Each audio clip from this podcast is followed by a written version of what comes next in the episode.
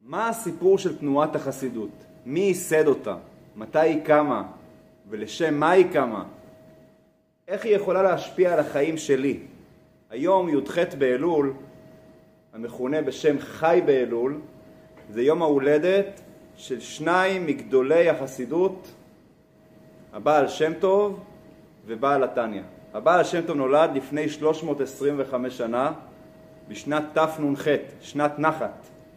למניינם זה 1698, ובעל התניא, המכונה גם בשם אדמו"ר הזקן, הוא נולד לפני 278 שנים, בשנת תק"א, כעת, 1745 למניינם. החסידות הביאה לעולם מהפכות גדולות וחשוב, וחשובות מאוד באמונה באלוקים, בהתנהגות בין אדם לחברו, בלימוד התורה, בתפילה, וקיום המצוות, הרבה מהפכות. ביום הולדת של שני המאורות הגדולים, הבעל שם טוב ובעל התניא, יש לנו הזדמנות להקדיש את השיעור, לספר קצת על בעלי יום ההולדת, הבעל שם טוב ובעל התניא, להבין מהי תנועת החסידות, וללמוד על החידושים הגדולים של החסידות שיכולים להשפיע על החיים של כל אחד מאיתנו. מתוך החידושים הרבים כל כך של תורת החסידות ותנועת החסידות, נלמד היום על שני חידושים מרכזיים. חידוש אחד בעבודת השם, בין אדם למקום, וחידוש שני בנושא של בין אדם לחברו. נפתח אבל ברקע קצר של סיפורם של בעלי יום ההולדת, הבעל שם טוב ובעל התניא. הסיפור המתואר שאני אספר עכשיו הוא סיפור שידוע מאוד על פי המסורת, שמסופר על שני יהודים, רבי אליעזר ושרה. הם היו זוג שהיה להם חיים טובים ומאושרים, אבל ילדים לא היו להם. השולחן, השולחן שלהם אבל לא היה ריק, למרות שלא היו להם ילדים. הם היו מכניסי אורחים מאוד גדולים. הם חיו לפני כמה מאות שנים, ואז היה מקובל שהיו בכל שבת מתארחים כל מיני אנשים עניים שהיו עוברים ממקום למקום, והיו מזמינים את אותם אנשים לסעוד על השולחן, אנשים שהיו מכניסי אורחים. אותו רבי אליעזר ושרה כל שבת היו מזמינים עשרות אורחים לסעוד על השולחן, כל מיני עניים ומסכנים. יום אחד, שבת אחת, באמצע סעודת שבת דופק בדלת איזה יהודי עני, והוא היה נראה קצת אה, מוזר. קודם כל, הזמן שהוא בא באמצע שבת, מאיפה מגיע אדם באמצע שבת, אולי זה חילול שבת, היה קצת משונה, לא שגרתי. רבי אליעזר פותח את הדלת, מכניס אותו בשמחה, אומר תיכנס הביתה, בוא תאכל, אה, תעשה קידוש, תאכל את הסעודה, קיבל אותו במאור פנים. אבל הוא היה קצת גס, הוא היה מאוד מאוד לא נימוסי. הוא אכל בצורה מאוד גסה ודיבר בצורה לא יפה ועשה אווירה מאוד לא נעימה סביבו. אותם אורחים האחרים שכבר היו רגילים לסעוד שמה מאוד לא אהבו והתחילו לקנטר את בעל הבית, רבי אליעזר, מה אתה עושה פה? למה הבאת אותו? תשלח אותו. הוא לקח את זה מאוד קשה, עד שמסופר אפילו הוא פרץ בבכי, יצא החוצה, פרץ בבכי, אבל הוא התגבר, חזר חזרה לחדר, איפה שאכלו, והחליט לתת לו כבוד אפילו יותר גדול בגלל הצער שהוא חש מהאורחים סביבו. וככה כל השבת הוא מארח אותו בצורה יפה, והוא מקבל קינטורים, והאורח התנהג לא יפה. עברה שבת קשה. מסתיימת השבת, רבי אליעזר מלווה את האורחים, הוא מלווה גם את אותו האדם עני. כשהוא יוצא החוצה, הוא מסתכל לו בעיניים ואומר לו, תדע לך שאני אליהו הנביא. כך מקובל. מהשמיים שלחו אותי כדי לנסות אותך לבדוק עד כמה אתה מכניס אורחים, עד כמה תקבל אותי שאני כל כך אגרסיבי. ואתה עמדת בניסיון ובגדול, ולכן תזכה בשנה הבאה שיוולד לך בן, אחרי הרבה שנים. וכך היה, כעבור שנה נולד לו בן, וקראו את שמו ישראל. אותו ישראל הקטן, אחרי חמש שנים שאבא שלו היה בגיל, שהוא היה בגיל חמש, אבא שלו כבר היה מבוגר, רבי אליעזר קורא לבן שלו ישראל, הוא אומר לו, אני מרגיש שאני עומד למות, ואני רוצה, או עוזי, ערב טוב, אני רוצה לתת לך צוואה בשני משפטים. משפט אחד הוא אומר לו, תזכור דבר אחד, אל תפחד מאף אחד חוץ מהשם אחד. זה דבר אחד שתזכור. דבר שני, תזכור, תאהב כל יהודי בלי שום תנאים. כעבור כמה ימים נפטר רבי אליעזר, חודשים ספורים עברו ונפטרה גם האימא של ישראל, שקראו לה שרה. אין לו אחים, הוא היה ילד יחיד, ובגיל חמש-שש הוא התייתם מאבא ומאימא בלי אחים. תראו מה נקודות הפתיחה של ישראל. אבל ישראל הזה הלך וגדל והתגלה כמובן כרבי ישראל בעל השם טוב מייסד תורת החסידות. תורת החסידות מבוססת על הצוואה הקצרה הזאת. מצד אחד, אמונה בהשם, בהשגחה פרטית, לא לפחד מאף אחד חוץ מהשם אחד. מהצד השני, על אהבת ישראל לכל יהודי באשר הוא יהודי, בלי שום תנאים. גם השיעור היום, כמו שפתחתי את השיעור ואמרתי, נדבר על שני נושאים בשני התחומים האלה, בין אדם למקום ובין אדם לחברו. יש הרבה סיפורי מופתים שנקשרו בבעל שם טוב, עד כדי כך שכיום כל נס ככה מאוד מיוחד שקורה, מה אומרים? וואו, זה ממש סיפורי הבעל שם טוב. זה דוגמה לניסים מאוד מאוד גדולים. הרבי הצמח צדק, אחד מאדמו"רי חב"ד, סיפר פעם שהבעל שם טוב היה מאוד מאוד אוהב אור. תמיד הוא היה אוהב שנרות דולקים על השולחן בבית המדרש. פעם אחת זה היה זמן ככה של לקראת ערב או בלילה, והבעל שם טוב לפני כניסתו לבית המדרש, התלמידים מחכים שהרב ייכנס ומחפשים להדליק אור. העניין הוא שלא היה נרות להשיג, זה היה יום חורפי, לא היה להם כנראה מאיפה להשיג, והם מצאו רק איזה נר קטן ועלוב, הדליקו אותו על השולחן. הבעל שם טוב נכנס לבית המדרש, והוא עושה פנים שהוא לא מרוצה, שאין מספיק אור. התלמידים התנצלו, הם אמרו לו, מה נעשה? נו, רצינו שיהיה אור, אבל uh, מצאנו רק נר אחד, מה לעשות? אמר להם הבעל שם טוב, תעלו לגג, תגרדו שם גלידי קרח, שם קפוא, ותשימו אותם על השולחן. הם התפלאו, זה קצת הוראה לא שגרתית, אבל הם ידעו שעל הבעל שם טוב לא שואלים שאלות. הם עלו לעליית הגג, הוציאו ככה כל מיני גלידים של קרח, שמו אותם על השולחן, אומר אומר להם הבעל שם טוב, תדליקו. הם הדליקו את הנרות האלה, והנה באורח נס הקרח דלק והאיר את בית המדרש באור יקרות. זה סיפור מופתי שכך מסופר. הסיפור המיוחד הזה, הוא מספר לנו בעצם את המוטיב של תורת החסידות. אור, להאיר. מה זאת אומרת? חסידות לא באה לשנות את היהדות. מה היא באה? להאיר אותה. ניתן לכם דוגמה ומשל אה, מאוד ככה שממחיש את הנושא. כנסו לחדר, יש בחדר הכל, חדר מאובזר לחלוטין. יש שם שולחן וכיסאות, יש שם אוכל, שתייה, ארונות ובגדים, הכל. חדר מושלם, מאובזר היטב. יש רק בעיה אחת. מה יש? חושך. חושך. אי אפשר ליהנות מהאוכל, מהחפצים הרבים שיש בחדר. ואז מגיע האדם והדליק את האור. הוא שינה משהו בחדר? לא שינה שום דבר, הכל נשאר על מקומו. מה הוא עשה? הוא נתן משמעות והנאה לכל הדברים שקיימים בחדר. כך אפשר להבין למה הבעל שם טוב אהב את האור, כי זה היה העיסוק שלו, להאיר את עם ישראל. וזאת הזדמנות לעבור באופן טבעי לבעל יום ההולדת השני, שמי הוא? איך קראו למייסד אה, חסידות זלמן. חב"ד? בעל התניא? האדמו"ר הזקן. אדמו"ר הזקן, מה היה השם שלו? רבי שניאור, שניאור זלמן. אז אם מדברים על אור, אפשר לעבור ככה למייסד השני של החסידות חב"ד, שניאור, לא סתם אור, שניאור. גם הוא נספר כמה מילים על הילדות שלו, מאיפה הוא צמח, ומה הקשר שלו לבעל שם טוב, שזה מאוד מעניין. הוריו של בעל התניא קראו להם רבי ברוך ורבקה. הם היו תלמידים של הבעל שם טוב. הם נסו לבקש ברכה מהבעל שם טוב לבן זכר. הבעל שם טוב בירך אותם ונתן להם שורה מאוד מאוד מיוחדת של הדרכות כאשר ייוולד הילד שהוא נתן ברכה שייוולד. ובין היתר הוא ציווה שלא יספרו לו על החסידות ועל הבעל שם טוב. הוא רצה שהוא יבוא לזה מעצמו. מאוד מעניין.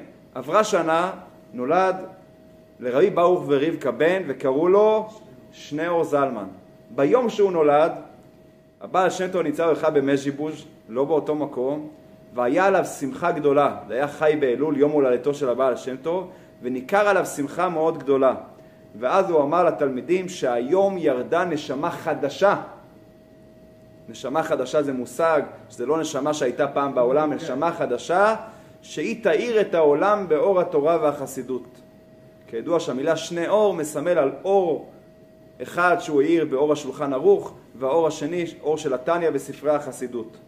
אותה נשמה, אומר הבעל שם טוב, נולדה בדיוק בשבוע שבו מפטירים את ההפטרה, קומי אורי, שזה עניין של אור. בגיל שלוש ההורים לקחו אותו לבעל שם טוב, אבל הם לא גילו לו מי זה הבעל שם טוב. הוא שאל מי זה, אז אמא שלו אמרה לו, זה סבא.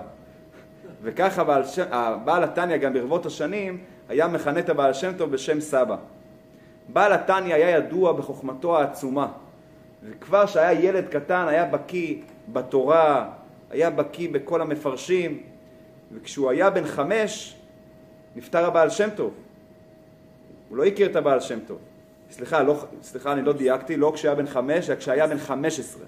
כשהיה בן חמש עשרה נפטר הבעל שם טוב, וכעבור כמה שנים בעל התניא חיפש, כאן הגיע החמש, כעבור כמה שנים, כמדומני זה חמש שנים אחרי פטירת הבעל שם טוב, בגיל עשרים בערך, אז הוא התחיל לחפש את דרכו, כי הוא הרגיש שהוא צריך ערך מוסף. ומסופר שהוא הגיע למזריץ', שם היה רבי דובר, שמכונה בשם המגיד ממזריץ', שהוא היה ממשיך דרכו של הבעל שם טוב. אחרי פטירתו של המגיד ממזריץ', בעל התניא הקים את חסידות חב"ד וחיבר את ספר התניא ועוד ספרי חסידות רבים. כך תיארנו בקצרה את לידתם של בעלי יום ההולדת, הבעל שם טוב ובעל התניא. ועכשיו אנחנו נטעם מהחידושים הגדולים של תורת החסידות. אני כבר עומד רק טעימה קטנה, אבל טעימה מאוד מתוקה. אנחנו נלמד איך הם יכולים להשפיע על החיים שלנו. נלמד על שני חידושים של החסידות כמו שדיברנו. חידוש אחד, בין אדם למקום, וחידוש שני, בין אדם לחברו. נלמד את זה באמצעות סיפורים ודברי תורה של הבעל שם טוב ובעל התניא. בתחילת דרכו הבעל שם טוב היה נסתר. הוא לא היה ידוע כבעל שם טוב. הוא היה אוהב לעבור ממקום למקום ולהסתובב בכפרים היהודיים ולהתעניין, לשאול את האנשים מה שלומכם, איך הפרנסה, מה אנשים היו עונים. ברוך השם, בעזרת השם, וזה היה עושה לו נחת רוח מאוד גדולה, שיהודים אומרים בעזרת השם, ברוך השם. פעם אחת הוא הגיע לבית כנסת אחד, ושם ישב יהודי פרוש. חמישים שנה הוא כבר לא ביקר אפילו בבית. היה מושג כזה של פרישות. ישב בבית המדרש ועסק בתורה, הוא ישן שם, הביאו לו אוכל, הוא לא היה מדבר עם אף אחד. כל כולו זה נקרא דלת אמות של תורה ותפילה. הוא לא היה מדבר עם אף אחד. אז הבעל השם טוב ראה אותו, התיישב לידו, ואומר לו, איך הפרנסה, איך הבריאות, האם יש לך מה שאתה צריך? הוא לא הכיר את הבעל שם טוב, הוא תמיד היה רגיל לא לדבר עם אנשים, אז הוא ככה לא ענה, הוא הראה לו את הדלת החוצה, את הדרך לצאת החוצה, שם היציאה. הבעל שם טוב לא התרגש, והוא אמר לו, רבי יהודי, למה אתה לא נותן לקדוש ברוך הוא את הפרנסה שלו? אותו אדם לא היה רגיל שמאשימים אותו בכאלה האשמות, תלמיד חכם, פרוש, אז הוא ככה התרגז, מה, איך אתה מאשים אותי בדבר כזה, שאני לא נותן לקדוש ברוך הוא את הפרנסה? אמר לו הבעל שם טוב, עוד לפני שקראו לו הבעל שם טוב, הוא אמר לו, כתוב, ואתה קדוש יושב תהילות ישראל. על מה הקדוש ברוך הוא יושב? ממה הוא נהנה? ממה הוא מתפרנס? מתהילות ישראל. שיהודי אומר ברוך השם, ירחם השם, בעזרת השם, זה ההנאה של הקדוש ברוך הוא. שיהודי נמצא בעולם הגשמי ומשבח את הקדוש ברוך הוא על הפרנסה, על הבריאות, על החיים, זה עושה לקדוש ברוך הוא נחת מאוד גדולה. ולכן, מי שפורש מדרך ארץ, הוא לא אומר תודה להשם, הוא לא משבח את הקדוש ברוך הוא, הוא בעצם לוקח מהקדוש ברוך הוא את הפרנסת התענוג. לפני שהתחילה תנועת החסידות, היה הפרדה בין הצדיקים לומדי התורה שהיו במעמד גבוה, לבין היהודים הפשוטים, אותם יהודים שלא היו בקיאים בתורה, הם היו עובדי כפיים, עובדי אדמה. התפיסה הייתה שאם אתה רוצה לעבוד את השם, אתה חייב להתנתק מהעולם, להתנזר מענייני הגשמיות. ככל שאתה תהיה יותר קדוש ומופרש, כך תהיה יותר צדיק, כך תהיה יותר קרוב לקדוש ברוך הוא. זו הייתה תפיסה. אגב, אני אגיד לכם בסוגריים, גם לפני כמה עשרות שנים היה תפיסה שמי שרוצה להתקרב להשם הוא צריך לעזוב את העבודה שלו, ללבוש כובע וחליפה, להיכנס לישיבה, להתנזר. היום התופעה, ברוך השם הברוכה, שהיא גם ממש מ... אה, הייתי אומר מיסודות החסידות, אתה יכול להישאר בעבודה שלך, כמובן היא כשרה והיא טובה, אתה יכול להמשיך לעבוד, ויחד עם זה לעבוד גם את השם. שתיים במחיר אחד, גם את השם וגם את העבודה. לא צריכים להתנתק. אז זה היה בעצם המהפכה התודעתית הגדולה של תנועת החסידות. עבודת השם זה לא רק הבית כנסת, זה לא רק בית המדרש, אלא גם בענייני החולין. הקשר של יהודי לאלוקים לא מוגבל רק לצדיקים ולתלמידי הישיבות, רק לזמן שנמצאים בבית כנסת, אלא גם בענייני החול, גם בענייני הגשמיות. אגב, לא לחינם, רוב היהודים, לאורך כל הדורות, התעסקו ומתעסקים בעבודה גשמית. זה לא במקרה, זה לא טעות, אלא זה המטרה שהקדוש ברוך הוא ברא את העולם, שיהודי יעבוד, יתעסק בגשמיות, ובכל זאת יעבוד את השם. בד בבד ישלב את הדברים. החידושים של החסידות בדרך כלל נלמדים מתוך תורת החסידות. תורת החסידות היא תורה נפלאה ביותר, שהיא מגלה את סודות התורה. ובין היתר, הרבה פעמים בתורת החסידות מפרשים כל מיני פסוקים שכתובים בתורה בצורה של סודות שנמצאים בתוך המצוות או הפסוקים, ואנחנו נראה עכשיו שתי דוגמאות מאוד מאוד יפות לנושא הזה שלמדנו עכשיו, על החיבור בין הקדוש ברוך הוא לעניינים הגשמיים, מתוך התורה על פי פירושו של הבעל שם טוב. שתי דוגמאות. דוגמה אחת נלמד מפרשת השבוע הקודמת, פרשת ביקורים. פרשת כי תבוא, שפותחת את מצוות הביקורים. מה זה מצוות הביקורים? יהודי שמגיע אל הארץ, והיה כי תבוא אל הארץ, קיבל נחלה, קיבל שדה, גידל את, ה... את העצים, את הפירות. אז יש מצווה שאת הפירות הראשונים והמובחרים הוא יסמן ויגיד הרי אלו ביקורים, ישים אותם בתוך הסל, יעלה אותם לירושלים לבית המקדש, שם הוא מביא את הסלים לכהנים והכהנים אוכלים את הפירות. זה מצוות הביקורים. הבעל שם טוב מפרש את המצווה הזאת בצורה מאוד ייחודית, שהיא גם רלוונטית כיום, כשאין לנו בית מקדש ואין מצוות ביקורים. אומר הבעל שם טוב, דבר נפלא ביותר. והיה כי תבוא אל הארץ, הכוונה היא לנשמה הקדושה של כל יהודי. כאשר היא יורדת לעולם הזה אל הארץ, ויש לה משימה. מה המשימה? זה הלשון של הפסוק. ולקחת מראשית כל פרי האדמה, תיקח את המובחר שבדברים הגשמיים ותיתן אותם לכהן, תקדש אותם. ממשיך הפסוק ואומר, ולקח הכהן הטנא מידיך. הכהן לוקח את הטנא, את הסל עם הפירות, מה הוא עושה, מה הוא עושה איתם? הוא שורף אותם? לא. הוא לא שורף, הוא אוכל אותם. אומר לנו הבעל שם טוב, זה מלמד אותנו, תתעסק עם הגשמיות, תקדש אותה, אל תשרוף את הגשמיות, אל תתנזר מהגשמיות, אלא תקדש את הגשמיות. ולכן גם אחרי שהכהן מקבל את הפירות הוא לא שורף אותם, זה עדיין נשאר גשמי, אלא מה? את הגשמיות הזאת הוא מקדש. כאן אנחנו רואים את אחד מהיסודות של תורת החסידות שלמדנו קודם. עבודת השם לא מתבטאת רק בשעת התפילה והתורה, אלא ביקורים, חיי היום-יום, בגשמיות, לקחת אותם ולקדש את החומר. איך מביאים ביקורים? איך מקדשים את הגשמיות? קודם כל על ידי סור מרע. מה זה אומר סור מרע? לעבוד בלי לעבור. מה זאת אומרת? לעבוד, אבל לא לעבור על מצוות התורה, קודם כל ימי העבודה, מתי שמותר לעבוד, וחוץ מזה, באופן העבודה, לא לשקר, לא לרמות, לא לרחל. זה בכיוון של סור מרע. בכיוון של ועשה טוב, לתת צדקה מהרווחים, מעשר, וגם, מאוד חשוב, לזכור שהמטרה של העבודה היא לא העבודה. מה המטרה של העבודה? כל מעשיך לשם שמיים. המטרה היא כדי לעבוד את השם, שיהיה לנו כסף, יכולת, להתפרנס בכבוד, לקיים את המצוות. כך אפשר להביא גם היום ביקורים, כך מפרש הבעל שם טוב. זו דוגמה ראשונה. דוגמה שנייה, גם מצווה מאוד יפה, שהבעל שם טוב לוקח אותה, מפרש אותה על הנושא שדיברנו עליה, זה מצוות עזרה לזולת. יש פרשת משפטים, מצווה מעניינת, שהיום הרלוונטיות, הרלוונטיות שלה ככה, תגידו אתם מה דעתכם על זה. הפסוק אומר ככה, כי תראה חמור שונאך רובץ תחת מסעו, וחדלת מעזוב לו? עזוב תעזוב עמו. מה המשמעות של הפסוק?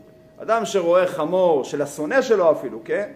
שרובץ תחת מסעו, שלא יאמר לעצמו, אני לא, לא בקשרים איתו, אני שונא אותו, אז אני אעזוב את זה.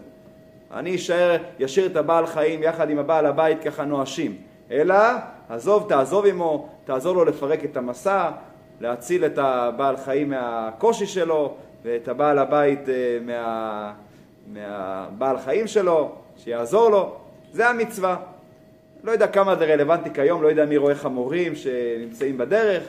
יש דיון בין הפוסקים, האם זה אדם שנמצא בדרך עם אה, מכסה מנוע, מנוע פתוח, האם זה קשור למצווה הזאת או לא, אבל זה לא הנושא שלנו עכשיו. מה הנושא שלנו? פירושו של הבעל שם טוב. אומר הבעל שם טוב, הסבר נפלא ביותר. כי תראה חמור. מה זה חמור? חמור זה החומר. זה הולך על הגוף שלך.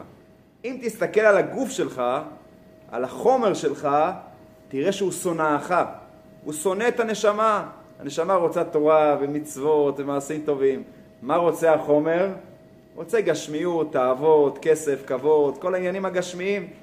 ואז תראה אפילו שהוא רובץ תחת מסעו. מה זה המסע שלו? עול התורה והמצוות. והוא לא בקטע, הוא רובץ תחת מסעו. ואז תגיד, וחדלת מעזוב לו? האם יעלה בדעתך לעזוב את הגוף, להתנזר מהגשמיות, לא להתייחס אליו, וככה אתה תפתור את הבעיה? אומר הבעל שם טוב, לא, עזוב תעזוב עמו. תיקח את הגוף, קח את הגשמיות, ואיתו יחד תעבוד את השם. פירוש נפלא ועצום. וזה הוא מפרש מתוך המצווה בתורה בפרשת משפטים. כלומר, אנחנו רואים איך שהבעל שם טוב לוקח את הפסוקים, את המצוות של התורה, ומגלה בהם פשוט סודות נפלאים שרלוונטיים והייתי אומר אקטואליים לכל אחד מאיתנו בחיי היום-יום, לקדש את החומר. יש סיפור מאוד יפה, הזכרנו גם את בעל התניא, בתקופת המאסר שלו המפורסם, זה לא זמן כעת לספר את הסיפור, עוד חזון למועד, כשהוא היה בתקופת המאסר, היו מעבירים אותו מפעם לפעם מהמקום בתא המאסר שבו הוא היה נתון, לבין המקום שבו היו חוקרים אותו. זה היה במבצר אחר. בין לבין היה נהר שהיה זורם, והיו מעבירים אותו בסירה ממקום הכליאה למקום החקירה. לילה אחד מעירים אותו באמצע הלילה, יש חקירה. גם שיטות שלהם באמצע הלילה ככה לטרטר את הבן אדם, מעבירים אותו בספינה, מה מעניין את בעל התניא? הוא רואה ירח. מכיר את הסיפור הזה, אסף? הוא רואה את הירח, נזכר בברכת הלבנה, קידוש לבנה, אז הוא מבקש מהסוער אם הוא יכול לעצור לרגע כי הוא רוצה לברך את, ה... לברך את הברכה. הוא מסתכל על האסיר, אני אעצור בשבילך, אבל בשום פנים ואופן לא. אומר לו, אם לא תעצור, זה ייעצר. וכך היה, הספינה נעצרה מעצמה. ואז בעל התניא לא אמר את הברכה. הוא אומר לו, אתה רואה? הספינה המשיכה לדרכה. ואז הוא פנה אליו שוב ואומר לו, תוכל לעצור, אני רוצה לברך. הוא הבין עם מי יש לו עסק, אבל הוא גם לא היה פראייר. הוא אמר, מה תיתן לי עבור זה? הוא אמר, אני אברך אותך. ואז בעל התניא נתן לו ברכות. אותו אדם, סוער באמת, אחר כך עלה לגדולה, והפך להיות אדם עמיד, וגם חי חיים ארוכים. והוא נתן לו לברך את הברכה. את הסיפור הזה סיפר רבי יוסף יצחק מלובביץ', הרבי הקודם של חב"ד. הוא שאל שאלה פשוטה, אם בעל התניא עצר את הספינה, אז למה הוא לא אמר את הברכה מיד שעצר את הספינה? למה הוא נתן לספינה להתקדם, ואז רק הוא ביקש שוב פעם, ואז הוא בירך את הברכה? והוא השיב שזה בעצם כל הרעיון של תורת החסידות. לעבוד את השם בתוך העולם, לא על ידי ניסים ולא על ידי התנתקות מהגשמיות, אלא בדרך הטבע. הפעם הראשונה הוא עצר את הספינה מעל הטבע, זה היה בדרך נס. הוא לא רצה לעבוד את השם בדרך נס, ולכן הוא ביקש שיעצור בדרך הטבע, ורק אז הוא, ביקש את הבר... רק אז הוא בירך את הברכה. אז זה החידוש הראשון שלמדנו איך לחבר את הקדוש ברוך הוא ביחד עם העולם. נסכם את החידוש במשפט שמובא במדרש ומצוטט הרבה בספרי החסידות. המדרש אומר למה הקדוש ברוך הוא ברא את העולם? נתבע הקדוש ברוך הוא להיות לו דירה בתחתונים. הקדוש ברוך הוא רצה שיהיה לו דירה בתוך העולם הזה הגשמי. מה זה אומר? הקדוש ברוך הוא רוצה שנקדש את העולם הגשמי ונעשה אותו מקום ראוי שהוא ישכון בתוכו. איך עושים את זה? בעבודה, בכסף, באוכל, בשתייה ובכל העניינים הגשמיים. מכאן נעבור באופן טבעי ומתבקש לנושא השני, שזה החידוש של תורת החסידות בין אדם לחברו. למה אני אומר באופן טבעי? כי הזכרנו שהחידוש של החסידות בנושא בין אדם למקום, שהגשמיות היא לא סותרת לקדושה, אלא אדרבה. המטרה של הקדושה היא להחדיר אותה בתוך העולם הזה הגשמי.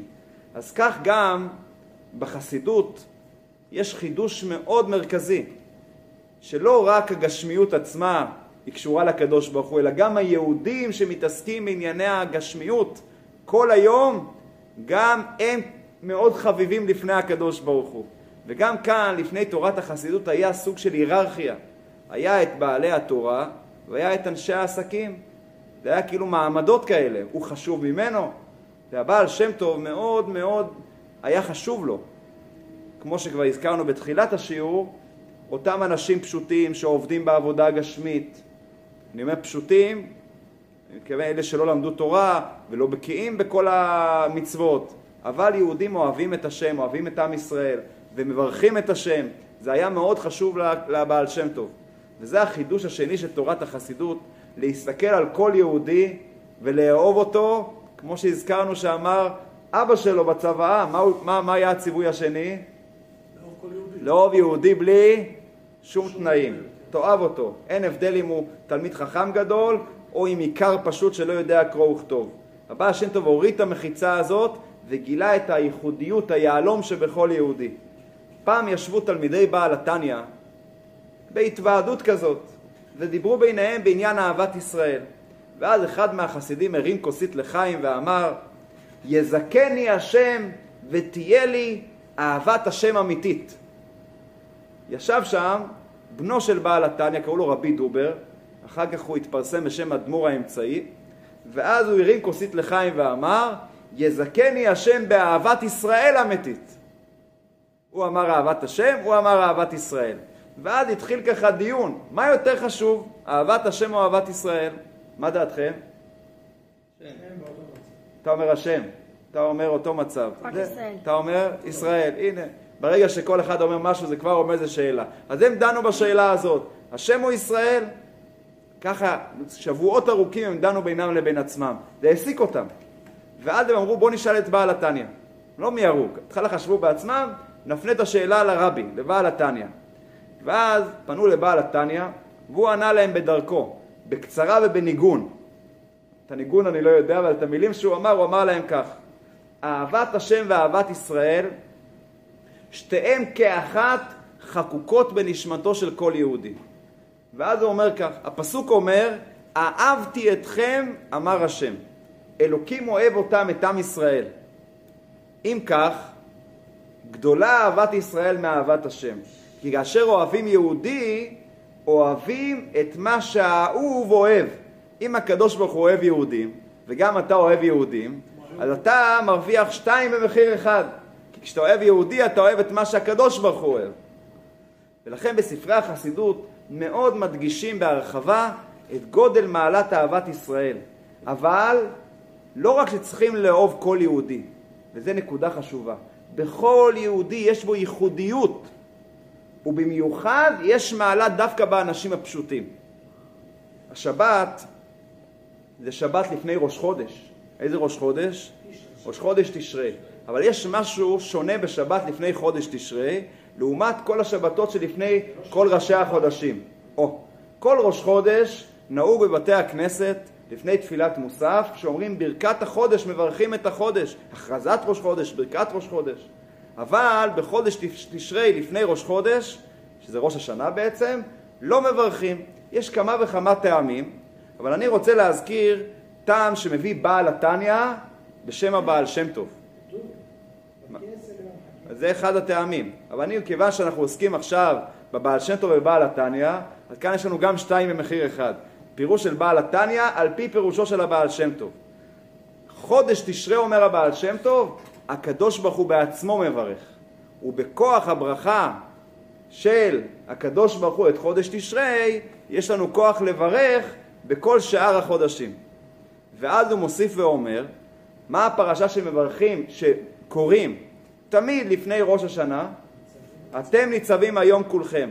היום רומז ליום הדין לראש השנה. והקדוש ברוך הוא מברך, אתם ניצבים היום, אתם תעמדו חזק, כלומר אתם תעמדו ותצליחו במשפט, תזכו בדין ביום הדין של ראש השנה. זה הברכה של הקדוש ברוך הוא. זה הפירוש של הבעל שם טוב. אבל אם נסתכל בהמשך הפסוק, יש שם המשך. אתם ניצבים היום כולכם לפני השם אלוקיכם, ואז יש שם ראשיכם, שבטיכם, יש שם מניין של כל מיני דרגות בעם ישראל, עד חוטב עציך ושואב ממך. כלומר, כדי לעמוד חזק במשפט ולהצליח, מה אנחנו צריכים? כולכם לפני השם אלוקיכם. אבל לא כתוב רק כולכם, מה כתוב שמה? פירוט. ראשיכם, שבטיכם, זקניכם ושוטריכם, כל איש ישראל, טבכם, נשיכם. כל כך הרבה, עד חוטב עציך ושואב ממך. אומר בעל התניא, שהצורך באחדות זה לא רק להיות כולם מאוחדים. זה לא רק שהיהודים הפשוטים יתאחדו עם האנשים הצדיקים, אלא גם ראשיכם, שבטיכם יתאחדו עם חוטב עציך ושואב ממך. ניתן על זה משל, ראשיכם זה ראש, כלומר החשובים בעם ישראל מכונים בשם ראש, אז איך מכונים הפשוטים? בשם רגל. כמו, כתוב שהעם ישראל נמשל כמו גוף אחד, אז אם יש ראשיכם, אז יש את הרגליים, את הידיים, את כל שאר האיברים. עכשיו בוא ניקח דוגמה, מה אתה אומר? היררכיה. היררכיה. עכשיו בוא ניקח דוגמה מראש ורגל. מי יותר נעלה? הראש, זה המחשב של הבן אדם. אבל יש מעלה ברגל על הראש. אם הראש רוצה ללכת לאנשהו, הוא לא יכול ללכת בלי הרגליים. כלומר, חוץ מזה שהראש נותן לרגל, גם הרגל מביאה לראש. יש בה גם מעלה על הראש, כי היא מביאה את הראש לאן שהוא רוצה. כלומר, זה לא רק שהרגל צריכה את הראש, הראש גם צריך את הרגל. אומר בעל התניא, זה האחדות של עם ישראל. בכל יהודי יש מעלה, לא רק בראש, לא רק בתלמיד חכם או באיש המוצלח והמוכשר, אלא גם באנשים שלכאורה נראים פשוטים, גם בהם יש מעלה. ולפעמים המעלה שלהם היא גבוהה יותר מהמעלה של הצדיקים. כפי שנלמד בסיפור המיוחד מאוד הבא, קשור לראש השנה גם. הסיפור הזה מספר על אחד מתלמידי הבעל שם טוב, קראו לו רבי זאב קיציס.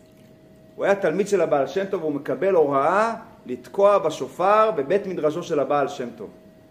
זכות מאוד גדולה, כתוב שתקיעת שופר לוקחים אדם יראי שמיים, והוא לקח את התפקיד ברצינות. הוא למד את כל הכוונות של האריזה וכוונות של הקבלה, זה כוונות ככה מאוד מאוד אה, עמוקות. אז הוא רשם לעצמו בפתק את הכוונות, תקיעה, שברים, תרועה, מתי, תשרת, תשת, תרת, יש כמה... כתב את כל הכוונות. ואז מגיע ככה יום הדין הגדול, מגיע יום ראש השנה, מגיע זמן תקיעת השופר, הוא מתרגש מאוד, ומגיע לעלות לתקוע בשופר, מחפש את הפתק כדי לזכור את הכוונות, אבל הפתק איננו. הוא נכנס לפאניקה ממש. הוא בנה כבר כמה שבועות על אותו פתק שרשם את כל הכוונות, והוא לא זוכר את הכל, הוא חייב את העזרה. מחפש, מבקש אנשים שיעזרו, לא מוצא. ואז בלית ברירה, הוא תקע בשופר, אבל הוא היה שבור לגמרי. שבור. מה, אולי לא רוצים את התפילה שלי, אולי כל הכוונות לא חשובות. ואחרי התפילה הגיע לבעל שם טוב, שבור ורצוץ, אומר לו, ספר לו את הסיפור. הוא אומר, אני מרגיש שכנראה לא רצו את התקיעות שופר שלי. אומר לו הבעל שם טוב, בפנים ככה שמחות, אדרבה, התקיעת שופר שלך היום הייתה מיוחדת במינה. הוא לא הבין, כל הכוונות הוא לא כיוון אותם. ואז הוא אומר לו, תקשיבו טוב. אומר לו הבעל שם טוב, בהיכל המלך יש הרבה חדרים והיכלות, וכל דלת, כל היכל יש לו מפתח. מפתח להיכל הזה, מפתח להיכל הזה. יש מפתח להיכל הזה שלא פותח את ההיכל השני, אבל יש מפתח מאסטר, גרזן. אתה לוקח את הגרזן, אתה יכול לשבור את כל המנעולים, או שיש לך מפתח מיוחד שפותח את כולם. כל הכוונות זה מפתחות. פותחים כל מיני שערים והיכלות, אבל לב שבור, שאדם מתפלל מעומק הלב, זה, פות... זה מפתח מאסטר, זה פותח את כל השערים. יכול להיות אדם חכם ונבון ותלמיד חכם, הרבה כוונות, הוא פותח שערים, אבל בחוכמה פותח שערים, כמו שאומרים, לא פותח את כולם, ולא תמיד הוא יכול להצליח. שיהודי פשוט, עם אמונה פשוטה, עם לב טהור, מתפלל לקדוש ברוך הוא, הוא יכול לפתוח את כל השערים. לב נשבר. ויש פתגם מיוחד שאומר הבעל שם טוב, פתגם מדהים, תקשיבו טוב. אומר הבעל שם טוב שיהודי, כל יהודי, יכול לעבור את הים על מטפחת, רק אם הוא היה מאמין באמונה פשוטה. הבעיה אצלנו, ככה אומר הבעל שם טוב. יש הרבה סיפורים מה הוא עשה הבעל שם טוב, אבל הוא אומר שכל יהודי יכול, זה רק אמונה פשוטה. כלומר, לא פשוט להיות יהודי פשוט. זה ממש לא פשוט. החסידות חידשה שצריך להעריך כל יהודי, בלי להיות שיפוטי, ולזכור שיכול להיות שהיהודי הזה יש לו מעלות גדולות ונפלאות יותר ממך, גם אם אתה לא מזהה אותה. אז אם נסכם את השיעור, ביום הולדת של החסידות, יום הולדת של הבעל שם טוב ובעל התניא, למדנו על שני החידושים מתוך שלל חידושים, גם על בן אדם לחברו וגם על בן אדם למקום. אם נלך לפי הסדר, בן אדם למקום להכניס את הקדוש ברוך הוא לתוך החיים הגשמיים, ובן אדם לחברו, שגם האנשים הכי פשוטים לכאורה, יש בהם מעלה, אפילו על האנשים הכי גבוהים. אדם לא יכול לדעת מה המעלה של יהודי. רק אני, לסיכום ולסיום, אני רוצה להמליץ לכל מי שככה נהנה מהרעיונות של תורת החסידות שלמדנו, לצפות ביוטיוב, ש... בערוץ היוטיוב שלי בעוד רעיונות מעניינים ועמוקים ופשוטים, כל סוגי הרעיונות מתוך ספר התניא, שיש לי גם בערוץ על פי הסדר של הפרקים. אתם מוזמנים לצפות מדי שבוע וליהנות. תודה.